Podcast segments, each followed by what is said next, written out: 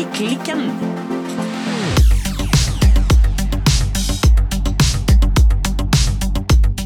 God dag, Silje.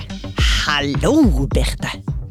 Silje, Ja, jeg går rett på sak. rett på, rett inn i selve kjernen av saken. Ja, rett inn i selve kjerna av, håper jeg, podden av poddinga. eller noe Essensen av det hele. Ja. Hva strikker du på i dag? Jeg strikker pledd. Samme pleddet som jeg strikket ja.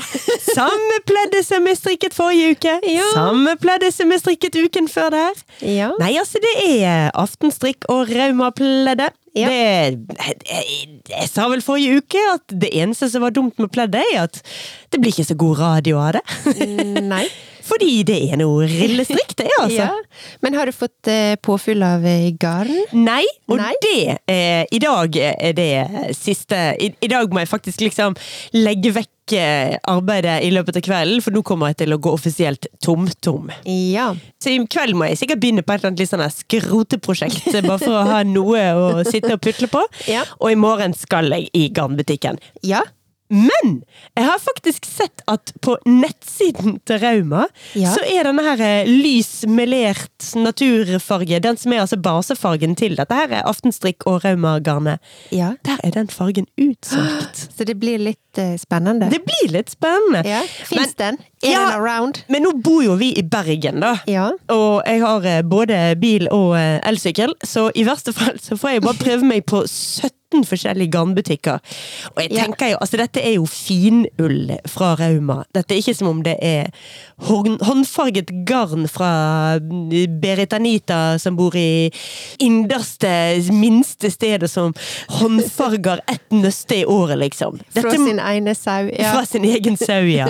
Spunnet inn med garn fra eget hår. Nei, altså dette må det jo være mulig å oppdrive. Jo, jeg håper at du får eh, håper jeg, eh, yes på eh, jakta di, men det er jo av og til Altså, jeg ser jo ganske ofte at det er en del sånne populære både farger og garntyper som eh, rett og slett blir utsolgt eh, med jevne mellomrom. Så, Så, utrolig men, eh, kjedelig. La oss ikke ta det på forskudd. Nei, altså Nei. det verste som skjer da, er at jeg må legge vekk prosjektet en liten stund, mens eh, Rauma må hente seg inn igjen i produksjonen. Men eh, det er jo ikke som om dette Denne fargen kommer ikke til å gå ut av produksjonen. Nei, definitivt ikke. Men kan jeg spørre nå, hvor, eh, hvor langt har du kommet på dette pleddet nå, da? Ah, Nå er jeg på 86,4% men, men det er i selve strikkingen. Det er jo, den, det, altså, det er jo litt sånn eh, hva skal man kalle det da? Eh, En usikker faktor. At Ja. jeg skal gå inn og sy i disse stripene andre veien når pleddet er ferdig strikket. Ja. Det vet jeg ikke hvor tidkrevende er i det hele tatt. Nei? Så hvis jeg da sier at jeg eh, hva var jeg sa, 87,6 ferdig med selve strikkingen, Ja. så nekter jeg å beregne inn eh, den syingen. Ja, men du nevnte forrige uke at du kom til å lage en sånn heklekant. Ja, men Ja. det går jo på svisj, komma svosj. Ja, men kan du bare utdype litt? Hva er en heklekant? Uh, det er en kant som er heklet. Nei, altså det er jo rett og slett at du går inn med en heklenål, og så hekler du en fastmaskekant hele veien rundt. For å eh, Altså, for det første så stiver du jo opp kanten, altså du strammer opp det visuelle uttrykket litt. Grann. Ja. Og så er jo en sånn heklekant mye mindre elastisk enn et strikket pledd. Ja. Så det vil liksom holde det hele litt mer på plass. Ja. Og jeg kommer nok sikkert også ikke til å ta den heklekanten i basefargen. Nei. Og gå inn med en, en av de andre fargene. Så du får en liten slags ramme på maleriet. Kan vi kalle dette, Ja. kan vi kalle dette pleddet for et maleri? En, eh, hva det heter Passepartout? Ja, en Nei, passepartout er mer ramme, Ja, ja. En passepartout er noe videre enn dette. Så, Ja. eh, så Det blir ikke passepartout, det blir ikke ramme. passepartout. Jeg kjører uten passepartout, rett og slett. Ja.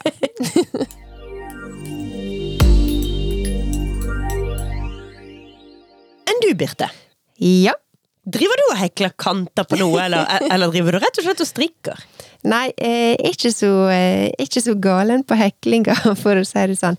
Jeg strikker kardigan nummer åtte. Jeg merker at eh, den eh, Det blir ikke så god radio her i gården heller. For den, den kommer nok jeg til å strikke på ei god stund. Jeg er ikke kommet sånn super mye lenger siden sist. Jeg holder på med dette bakstykket. Ja. Eh, det som jeg merker, er at eh, jeg strikker på pinne fem og en halv. Yep. Og det er tydeligvis ikke en sånn supervanlig pinne, for det eh, det hadde jeg kun sånn kubis-sett av. Disse her liksom firkanta på, påskrudde pinnene. Ja, det, jeg husker vi snakket mye om de i sin tid når du virkelig slet med senebetennelsen. Det er jo, sånn, Ja. det er jo rett og slett firkantete strikkepinner. Ja. Og det, jeg syns de er gode å strikke med, men de er ikke så gode til dette garnet, for de er rett og slett litt eh, De er ikke så glatte. Nei. Nei. Så jeg har faktisk tenkt på at eh, sånn at ikke det skal være så tungt å strikke, rett og slett, eh, så må jeg gå i garnbutikken. og- Men vent litt, vent Ja. litt, vent Ja, litt. eller, Altså, okay. ja, altså Hadde nå enda bare vært sånn at Rykk du tilbake til start. Ja, rykk tilbake til start. Hadde nå enda bare vært sånn at du kjente en eller annen eh, du hadde en eller annen venninne som hadde et aldeles latterlig lager av eh, strikkepinner. Ja. Hmm, if only mm, nei, nei, nei. Vent litt! Oi, men du vet hva? Det verste har jeg ikke tenkt på engang. Men ja, har Du har jo en, sett- har du en fem og en halv pinne å låne meg? Altså, du vet jo utmerket godt at jeg har jo ikke oversikt over hva jeg har i det hele tatt, og at alt sammen ligger i en eneste stor enorm ball. Men sjansen jeg gidder å vente på at du skal rote den fram, Nei, altså. nei, nei, men det ligger jo i én pose. Ja, okay. og jeg er jo innehaver av minimum syv sånne mm, pinnemåledingser. Ja, ja. Så når vi er ferdig med innspilling, så skal vi gå i strikkepinnelageret og finne deg en pinne fem og en halv. Ja, men det må vi gjøre. For jeg har faktisk ganske mange pinner, jeg også. Ja. Men fem og en halv, nei, det var, det var den eh, ene, holdt på å si, det var det ene forsøket. Og, ja, The one who got away, rett og slett. ja. Så eh, Nei, men supert. Da har vi en eh, deal på det. Helt klart.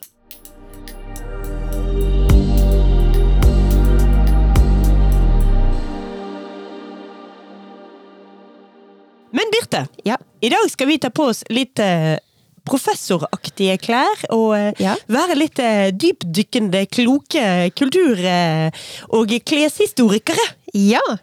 Det har jo nylig vært 17. mai. Yes. Ja, jeg må innrømme at jeg i dag morges fremdeles burpet litt rømmegrøt. As one does. ja. Men eh, eh, kjører du bunad, eller? Nei, jeg gjør ikke det, altså. Nei. Jeg har et litt sånn trøblete forhold til bunad. Hele min eh, familie er, er veldig glad i bunader. Alle har bunader. Min kjære mormor, som jeg støtt og stadig snakker om, hun eh, broderte i sin tid både bryst... Hva heter det? Brynjeklut og belte. Og jeg mener også forkle til en eh, hardangerbunad til meg, så det Ja. har jeg. Ja. I skapet? Eh, strengt tatt ligger det i min mors sitt skap, for hun er bunadsspesialisten. Hun er sånn som driver med møllkuler og holder orden på bunadene. Ja. Så det finnes, men ikke i mitt hus. Men eh, problemet mitt er at jeg føler meg så fryktelig utkledd når jeg har på meg bunad. Jeg føler meg ikke Jeg føler meg ikke så veldig fin. Jeg føler at jeg har kledd meg ut. Så Ja. Så jeg er veldig glad i at jeg har de tingene, og jeg håper at min datter, eh, når hun blir litt større, får lyst på bunad. For har jeg, da har jeg forferdelig lyst til at hun skal arve det. Ja. Og jeg håper at hun kan føle seg vel i det. Så kan jeg eh, fortsette å kle meg i litt kjedeligere, litt sorte finkjoler. Og så slipper jeg de veldig sånn stakk og ting jeg bare føler meg rar i. ja. Enn du, da? Er du en bunadslover? Det er litt vanskelig å svare på akkurat om jeg er bunadslover, men jeg har en sunnmørsbunad. Ja. En eh, svart en. Den fikk jeg til eh, konfirmasjonen min. eh, mamma har brodert den. Og så, for noen år siden, så skulle den eh, legges ut. For den har ikke blitt lagt ut siden konfirmasjonen min. Og så har den kanskje krympet litt under koronaen? um, nei, ikke nødvendigvis, men den utlegginga, den Det skjedde liksom ikke. Sånn Nei, okay. at uh, den bare henger faktisk i Ulsteinvik. Ja. Og nå er jeg litt sånn hm, kanskje, kanskje det er dattera mi som bare skal få lov å hoppe rett inn i den. Men em, så jeg har ikke brukt bunad på veldig, veldig mange år. Nei. Litt ubevisst, og litt eh, av eh, Ja, litt sånn komplisert eh, situasjon. Jeg var jo omtrent mindre enn en strek på konfirmasjonsdagen min. Ja. Så eh, veldig ve, Håper jeg, jeg Jeg trenger ikke å legge den ut i lengda, men den er veldig smal. Det er jo egentlig en ganske merkelig tradisjon vi har i Norge på å gi vekk bunader til konfirmasjonen. Ja. Det er jo de aller færreste som holder den størrelsen de har i konfirmasjonsalder. Ja. Man skulle jo egentlig fått den til sånn, jeg vet ikke, 25-årsdagen eller noe i den duren der. Ja, men du kan jo heldigvis eh, legge deg ut, da. Men eh, ja, nei, det er litt sånn Det er ikke alltid så lett å få sving på de der greiene heller. Nei. Men Ja. i dag skulle vi egentlig ikke snakke om bunader, Nei, nå altså. kom vi inn på bunadssporet. Vi men, eh, gjorde det, men vi skal litt i den type spor likevel. Ja, jeg tror vi var, vi var litt inspirert av dagens tema, tror jeg, når vi begynte på bunads, bunadsporet. Ja, enten det Ja. eller andre veien. Kanskje vi blir inspirert av alle bunadene som flagrer rundt eh, i eh, verden i mai i Norge. Ja. Og derfor kom vi frem til at vi hadde lyst til å snakke om fanakoften. Yes, det stemmer. For fanakoften, den er jo Altså, fana Vi kan jo begynne Eller vi kan jo yeah. egentlig begynne på virkelig både hva er fana og hva er kofte. Yes. Da har vi begynt helt på begynnelsen av. Altså, kofte det kalles også av og til for lusekofte, eller noen sier kufte. Ja. Det har jeg riktignok ikke hørt noen si, men eh, jeg har lest meg opp til nå at noen sier kufte. Ja. Det er altså en fellesbetegnelse på ulike typer klesplagg som man dekker overkroppen med, og de kan være både tjukke og åpne og lukkede. Det er altså et veldig åpent begrep hva en kofte egentlig er. Ja. Så der, eh, hva jeg skal si, der eh, lord Cardigan eh, fikk kalla opp strikka jakke etter seg, som da heter cardigan, så i Norge så sier vi rett og slett bare kofte. Ja, lord Ja. kofte. Ja, lord kong kofte. kong kofte, det er det vi gjør. Ja, Og Fana, det er jo rett, det er en bydel rett utenfor Bergen. det stemmer. Som Vel, hvis ikke jeg husker helt på trynet, så tror jeg faktisk helt fram til 70-tallet så var det en egen kommune. Ja. Og det, det, det er en stor bydel i Bergen. Det er Tradisjonelt har det vært litt sånn litt finere, rikere folk som bodde i Fana. Ja, det er vel et, det har vel et litt sånn, eh, litt sånn, eh, hva skal jeg si, besteborgerlig eh, strøk over seg. Men det er mulig jeg tar feil her, men jeg lurer meg på om ikke grunnen til det er når det var en egen kommune, og de hadde annerledes skattesats enn Det- Bergen hadde. Det er faktisk helt rett. Ja. Ja. Så det var dermed så flyttet alle redere og ribere og Mon og Mowinkler og Friler og alle gamle penger i Bergen, de flyttet til Fana. Ja, altså du skal kanskje litt lenger bak i tid også, men eh, det var Altså, rikingene flytta til Fana i si tid, i hvert fall. Fordi at der var det lavere skatt. Og du veit, eh, rikingene trenger alle pengene de kan få. Det er klart de gjør det. Mens Fana i seg sjøl, som sagt, det er jo et stort område. Og selv om det nå altså sjøl om det riktignok etter hvert bodde en del rike mennesker der, så var jo dette tradisjonelt bondeland. Ja. Lurer på om ikke Fana til og med faktisk ordet betyr eh, altså gård, på en eller annen måte. Tror jeg.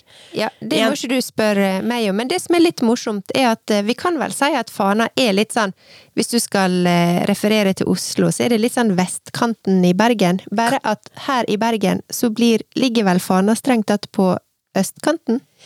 Eh, nord, sør, øst, vest. Ja, mulig østkanten Øst, blir vestkanten. Sørøst, eller ja. noe sånt? Nei, altså i hvert fall for de som virkelig eh, håper å si, lytter fra andre deler av landet, så kan Ja. vi jo beskrive at eh, hva heter det, kjente personligheter fra Fana inkluderer eh, storheter som han Edvard Grieg, Ja. Kygo, Ja. Alan Walker. Ja. Eh, ja, vi flere Fana-folk. Kommer du på? Herman Friele. Ja, selvfølgelig. du har, føler vi har nevnt alle. Lagunen. Ja, Lagunen.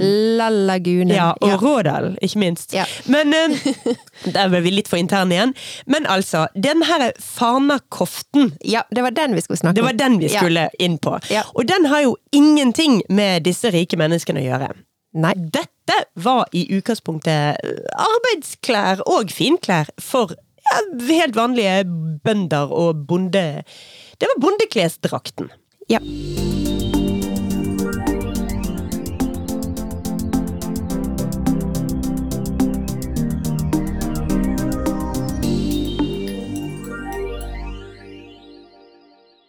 Fanakofte, det er jo da, som du nevnte, Silje, mønsterstrikka genser eller jakke.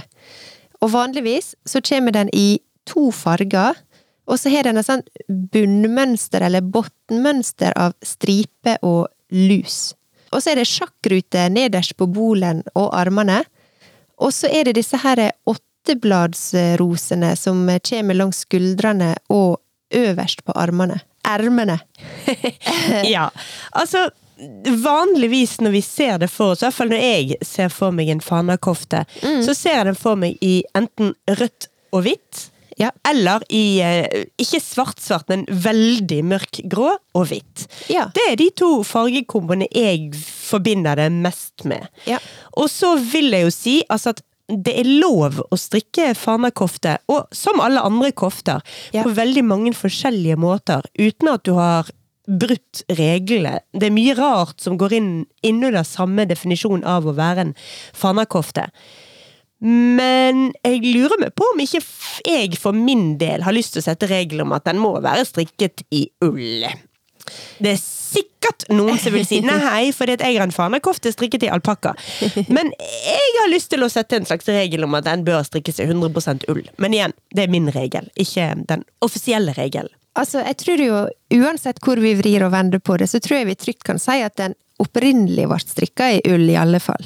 Det var den, Ja. og da var den opprinnelig var den jo strikket i, ikke i rødt for eksempel, den var opprinnelig strikket i eh, farger som sauene kommer i. Ja. Altså hvitt og brunt og grått, og så etter hvert også litt grann i eh, blått, visstnok. Ja. Det leste jeg et sted, og da lurte jeg litt på om denne blåfargen kanskje kunne være, uten at jeg fant ut av det, om det kunne være Vaid, faktisk. Ja. Siden eh, vi lærte en gang eh, når vi var på Vaid plantefageri, at Vaiden det er Nordens indigo. Og Ja. eh, kanskje det er den de har farget med, for den vokste jo vilt i Norge også på den tiden. Og når vi da snakker om på den tiden, så kan vi da legge til at den eldste bevarte fanatrøyen som vi har, den er fra 1880-årene. Ja. Det betyr jo ikke nødvendigvis at ikke de strikket den før det, men uh, ullklær er ikke så godt, uh, godt bevart alltid. Ja, jeg nevnte jo disse her åttebladsrosene i stad, som er jo sentralt i eh, fanakofta. Mm. Dette er jo også noe som gjerne blir kalla selbyrose. Ja, fordi Ja. at uh, fanakoften er jo ikke aleine om å bruke en sånn rose. Nei, Det gjør jo også for eksempel da selbuvottene. det stemmer. Og det er ikke bare holdt på å si, selbuvotter eller kofte eller eh, fanakofte som bruker disse her åttebladsrosene. Det, det er jo en slags sånn rosett eller stjerneforma mønster med åtte spisser. Og i utgangspunktet så er dette et mønster eller et motiv som ofte blir brukt i strikking og veving, men også i keramikk og på flise, og det er det som vi kan kalle et ornamentalt mønster som finnes i veldig mange variasjoner, og som er kjent fra mange forskjellige land og sivilisasjoner, eksempel Iran. Ja. Ja. Og når vi snakket tidligere om bunader, så er jo denne åttetallsrosen, eller åttebladsrose, det er jo også noe som går igjen i ganske mange forskjellige bunader. I brynjeklutene b- b- Det er vel brynjeklute heter, ikke det? Brystklut? Det, altså, min bunad har ikke sant, så jeg vet ikke hva det heter. Nei, ok. Nei, for min bunad har, har det. Men om den akkurat har åttebladrosen, det vet jeg ikke. Men jeg vet mange forskjellige bunader har eh, dette mønsteret som går igjen der også. Ja, og disse åttebladrosene ser jo en også igjen, for eksempel du nevnte jo selbuvotta, men også i eh, type sånn strømpe, og det er ganske sånn vanlig sånn strikka mønster, eller som vi ser igjen eh, rundt omkring. Ja, ja, på alle disse her eh, knelange strømpene som hører til herrebunadene og sånt. Ja. Ja, i det hele tatt. Åh, på mange steder vi har sett den her eh, åttebladsrosen. Ja.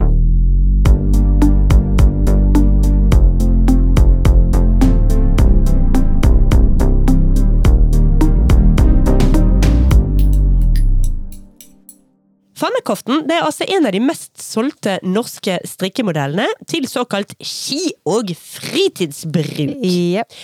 Og den bygger da på en strikketrøye som hørte til den tradisjonelle hverdagstrakten for menn i Fana.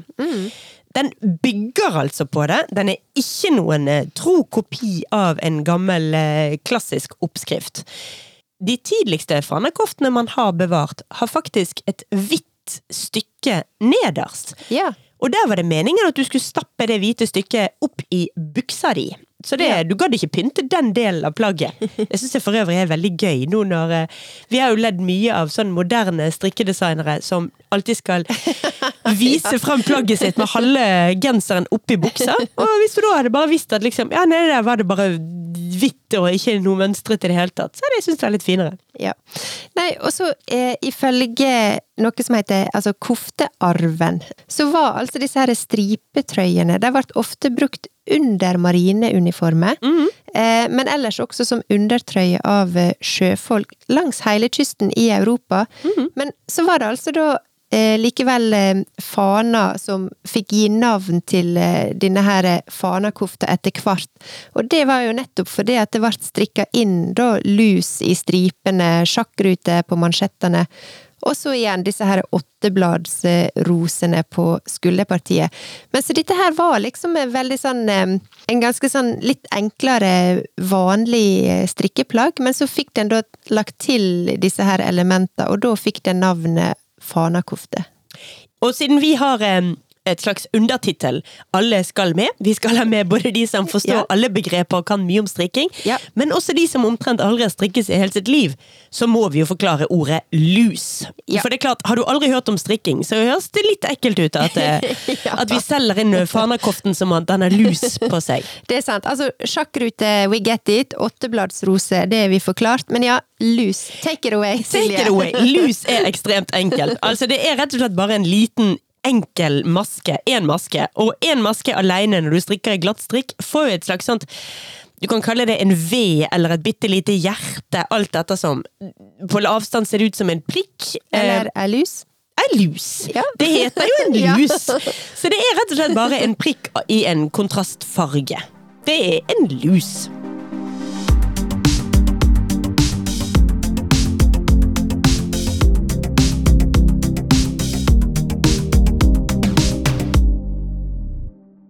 Denne trøya, eller liksom fanakofta, da, den kom i oppskriftsform eh, på første del av 1900-tallet, og da ble den, sånn som du sier, ekstremt populær.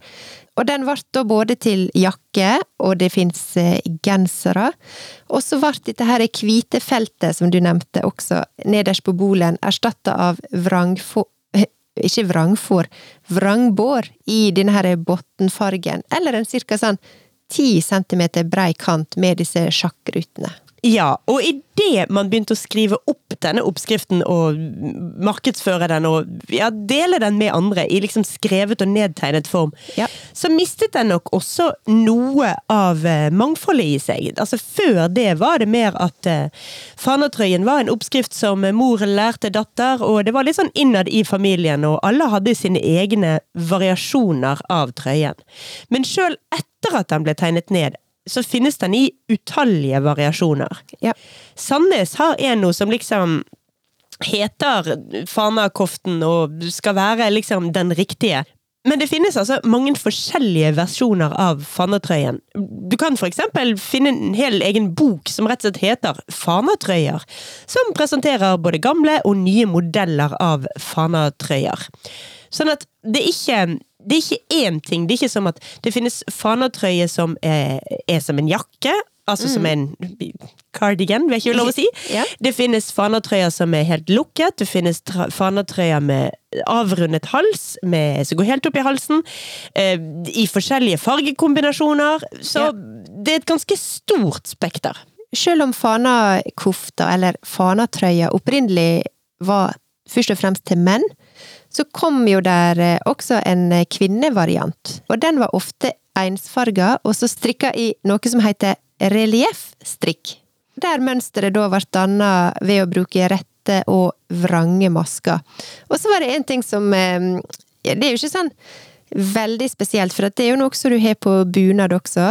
For eksempel på sunnmørsbunad, hvis du har røde strømper, Eh, ja vel? da er du ugift. Oh. Hvis du har svarte strømper, da skal det vise at du er gift. Og sånn var det på denne her eh, fanatrøya for kvinner også. Fordi at fargen på plagget skulle vise da om kvinna var gift eller ugift. Ja! ja men det, det liker jeg. Det syns jeg er en ærlig sak å gå rundt og vise. Spesielt for for folk som meg, som uh, har vært i samme forhold i hva for noe, 15-16 år, men aldri klart å svime til å gifte meg. Så uh, ja, dette her liker jeg at jeg fremdeles skulle gått rundt som en sånn ungfole i ungfolefargen. ja, altså jeg kan jo faktisk si at hvis vi snakker i bunadssammenheng, da, så tror jeg også at jeg skifter ganske fort til svarte strømpebukser, og det var rett og slett av visuelle hensyn hensyn. så du gikk rundt og så ut som en gift kone lenge før du var gift? gift konfirmant, nei da. Men eh, det er jo ikke så lett å få tak i disse her eh, røde strømpene heller. Men eh, ja, jeg tror, ikke du, jeg tror ikke nødvendigvis det er noe å gå etter nå lenger, da. Nei, men det er også morsomt dette her med liksom at man viser den type ja, status og Altså sivilstatus i klesplagg. For når disse her oppskriftene gikk i arv fra mor til datter, ja. så var det også var det rett og slett en statusgreie å ha mye mønster på disse fanekoftene. Ja. Det viste rett og slett at her var det en eh, god og flittig kone, og at det viste at du hadde jo selvfølgelig litt mer overskudd. Så det sa ikke nødvendigvis bare noe om konen i huset sine evner, det sa jo også noe om mengden arbeid hun ellers hadde. Ja kan du ta deg råd til å liksom flotte deg med ekstra kompliserte klær, så har, har du vel til salt i såret og vel så det. Ja.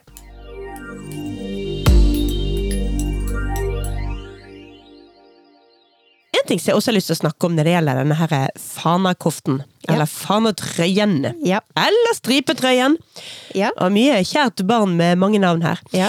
det er jo at de jakkene, de hadde jo da knapper, selvfølgelig. Ja for å kunne lukkes.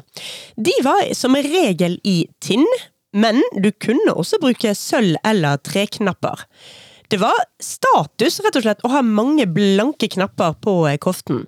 Ja. Og disse her eh, knappene de var jo, holdt jo gjerne lenger enn plagget. Så når plagget var fullstendig utslitt og modent for eh, komposten, så var det å sprette av knappene, i hvert fall hvis de var i sølv, men også om de var i tinn, altså. Ja og ta de med seg videre og sy det på neste kofte. Ja, så eh, sirkulær, eh, sirkulariteten var intakt. Det var det. Ja. Og på slutten av 1930-årene, dette har vi jo snakket om før, at da begynte egentlig strikkeplagg å komme mye mer inn på mote i Norge. Mm. I episoden vår om norsk strikkehistorie så snakket vi jo om dette med at strikkingen ikke har denne år tusenlange tradisjonen som man kanskje kunne trodd. Nei, sant? Men på 30-tallet så kom det altså mye mer strikketøy inn på, og ja, det ble mye, rett og slett mye vanligere å drive med håndstrikking. Og da ble denne fanakoften veldig populær. Ja. På denne tiden så lanserte Husflid i Bergen De skulle lansere fanakoften eh, som med en egen oppskrift. Men eh, de klarte faktisk ikke å finne én enkeltstående oppskrift som eh, alle i Fana var enige om at var den offisielle Fana-koften. Nei. Så det kom ut eh, en to-tre forskjellige varianter med forskjellige snitt. Du kunne putte lusene på den ene måten eller den andre måten. Du kunne felle av slik eller slik. Så det var litt forskjellige varianter av den, også da når de klarte å få skrevet det ned. Ja, altså på slutten av 1930-tallet eh, så ble denne her stripete trøya veldig populær. Først og fremst da som ytterplagg. Mm. Og den ble jo da benytta som turklær, altså turplagg, og som sportsklær. Og på slutten av 30-tallet så var denne her trøya blitt kjent over store deler av eh, landet. Og så er det også noe som er litt sånn morsomt, eh, og det er at eh, disse her åttebladsrosene, de kan være lyse på mørk bunn, og mørkerose på lys bunn over skuldrene. Oh ja. Og det med å ha lys bunn over skuldrene, det var ganske vanlig for å få mennene til å se mer breiskuldra ut. Så det var en liten sånn optisk eh, illusjon eh, inni det hele. Å, dette er fint! Nå ser jeg for meg liksom Vangsgutene med breie skuldre, og så viser det seg at de egentlig bare hadde mørke roser på lys bunn. Det var egentlig bare ja. det de fløy rundt med. Det liker jeg.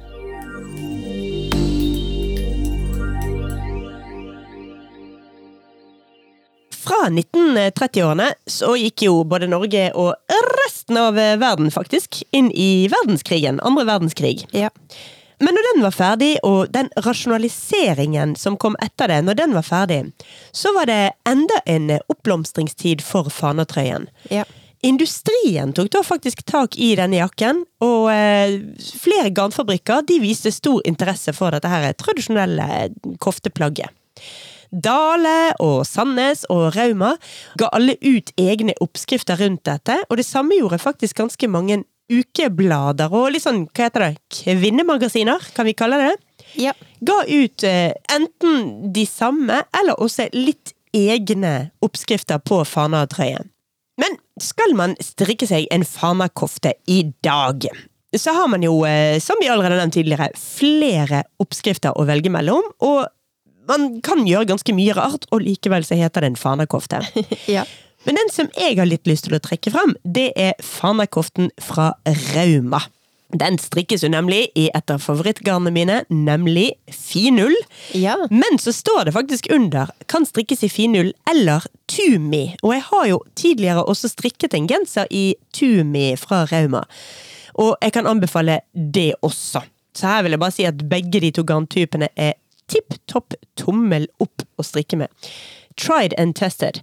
Eh, den som er på hovedbildet der, den er i eh, svart og hvit, men man kan altså, tenker jeg, fint gå eh, i for rødt og hvitt, eller en hvilken som helst annen kombo også.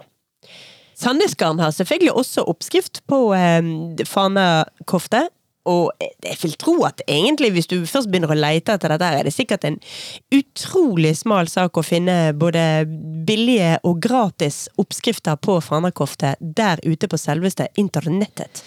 Ja, jeg kan jo tipse om at eh, hvis du går inn på Instagram, og det liker jo vi å gjøre. Det liker vi å gjøre, ja. Eh, og søker på taggen, eller emneknaggen, fanakofte, så får du opp eh, nesten 8000 bilder.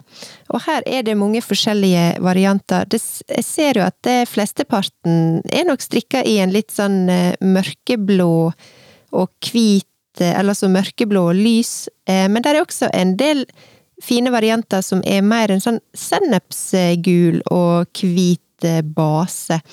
Men i alle fall, hvis du har lyst til å gå inn og få litt eh, fanakofteinspirasjon, så er det rett og slett bare å skrive det inn på Instagram, og så får du opp veldig mange treff. Og hvis du f.eks. hater internett, og i hvert fall Instagram, så kan du alltid gå for boken Fanatrøyer, som er gitt ut på Eide forlag. Der finner du også bilder av både klassiske og mer moderne varianter av fanatrøyen. Både jakkeform og genserform og herreform og dameform og i det hele tatt all slags former og fasonger av fanakoften.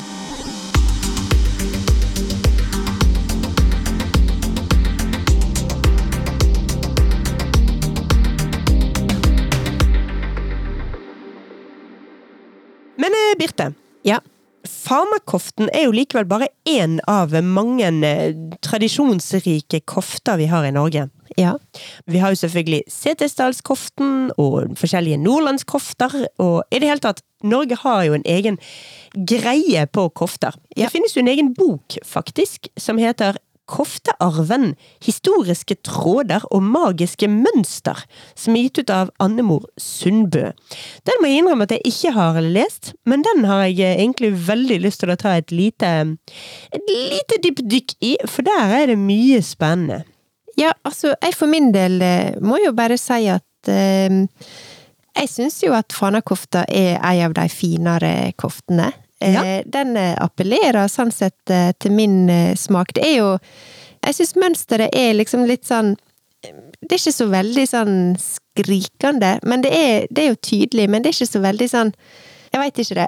Jeg får litt sånn, av og til litt sånn, litt sånn dårlig 80s-vibe på noen av disse koftene, selv om de egentlig er, er mye mer eldre. Mye eldre enn det, mer som i 1880s. Ja. altså, fanakofta tenker jeg er lett å bruke til, eh, til håper jeg, vanlige klær. Det kan lett oppdateres eh, til eh, dagens motebilde. Helt klart. Og så syns jeg Farmerkoften og de andre koftene har jo selvfølgelig hatt mange svinger inn og ut av motebildet, men jeg syns det er kanskje litt eh, Hvilket ord skal jeg bruke? Bakstreversk. Eh, teit. Ja. At, at, vi er så glad i i, i tradisjonsstrikk strikk fra andre deler, at vi er så opptatt av færøystrikk og islandsk strikk og andre liksom ja, typiske kulturarvaktige klesplagg, mens vi kanskje ikke er like stolt av vår egen koftearv. Ja. Jeg tror, vil jo kanskje tro at det kan ha noe med at vi har liksom sett det så mye. Ja, vi er blitt litt litt- blinde for hvor Ja. kule, kule ting vi egentlig har. Du ser ikke skogen for bare tre, og så er det noe med hvis du har hatt, eh, hatt eh, ei sånn jakke liggende eller genser, altså at den er alltid, så er jo det det er jo alltid litt mer sånn eksotisk og mer spennende når du ser nye ting. Mm. Så jeg tror kanskje det har litt eh, Jeg tipper at fra andre verdensdeler Vi vet jo at i Japan, for eksempel, så er jo de veldig Syns de det er veldig eksotisk å se på våre kofter, for eksempel, mens vi syns at deres sine tradisjonelle plagg er Mens de spyr av sine egne Ja.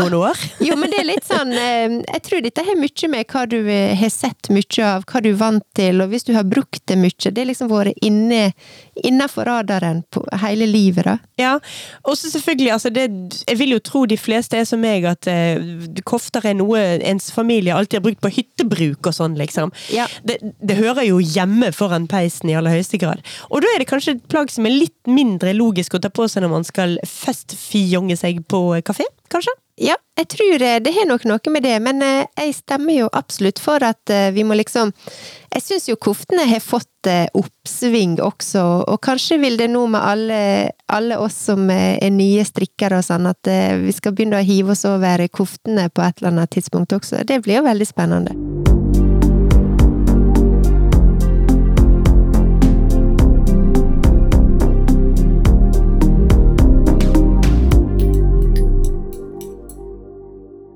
Så Birte, Ja. hva har vi lært i dag? Oi! Punkt én, hvor ligger fana? Ja, ja, jeg veit hva fana ligger. Ja. Det er der som Kygo bor. Helt riktig. Og der som Kygo bor, der går de med kofte. Yes, der er det fanakofte som gjelder. Ja, der går de med svart og hvit, eller rød og hvit strikkete plagg med lus i. Riktig? Var det sånn det var? Ja, det stemmer. Og så må vi ikke glemme det sjakkruta-mønsteret. Nei, og absolutt ikke denne her åttetalls... Nei, ikke åttetalls.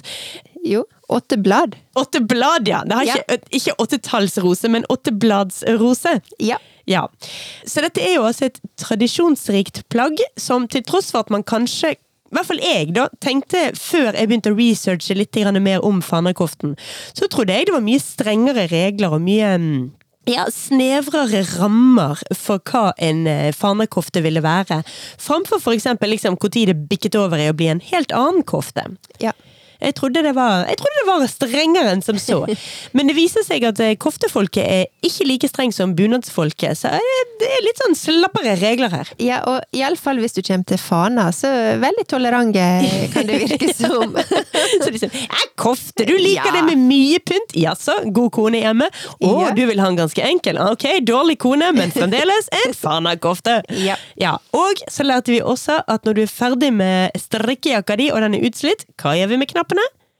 Da tar vi dem av og lar dem gå i arv til neste. Det er akkurat det vi gjør. og det høres jo ekstremt eh, bærekraftig ut. Det er jo veldig sånn pretrendy eh, opplegg. Det er det. Og så må vi også legge til til slutt at fanakoften tradisjonelt jo selvfølgelig er strikket i ordentlig god, staut norsk sauull.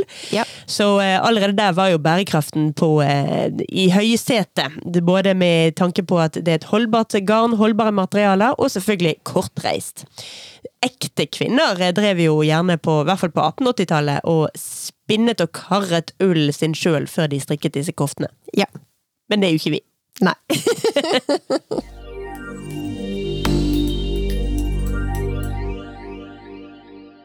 Hvordan føles det å ha sittet her i en god tid, eh, bit tid nå og snakke om fanakoften?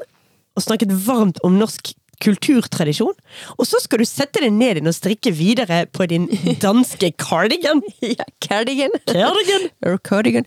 Um, nei, jeg tenker det går bra, jeg, altså. Vi klarer flere ting. Vi klarer strikkingens uh, både det, det ene perspektivet og det andre perspektivet. Eh, ja, vi må jo klare å ha flere tanker i hodet samtidig. Vi må jo det. Det er jo litt viktig. Men jeg syns det var litt gøy å, å finne litt mer ut av denne her fana, fanakofta. Og det er også litt gøy at den føyer seg inn i Hva skal jeg si? Det er liksom Bergen og omegns eh, rike strikkehistorie. Ja, vi stopper all, altså, vi skal jo liksom utforske hele Norge, men vi Mm. finner jo så himla mye rett og slett i bakgården vår hele tiden.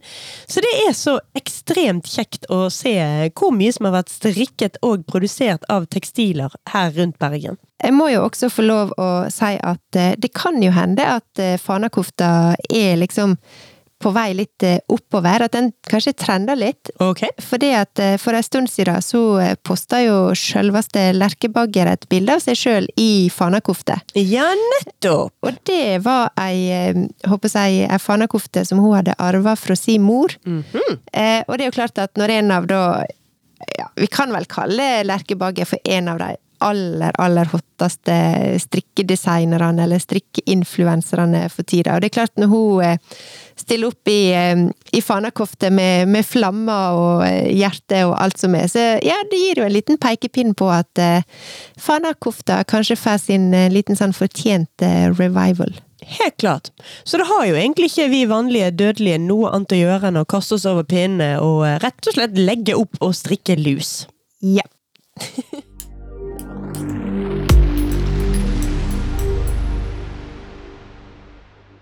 Det var faktisk det vi hadde tid til denne uken. Ja.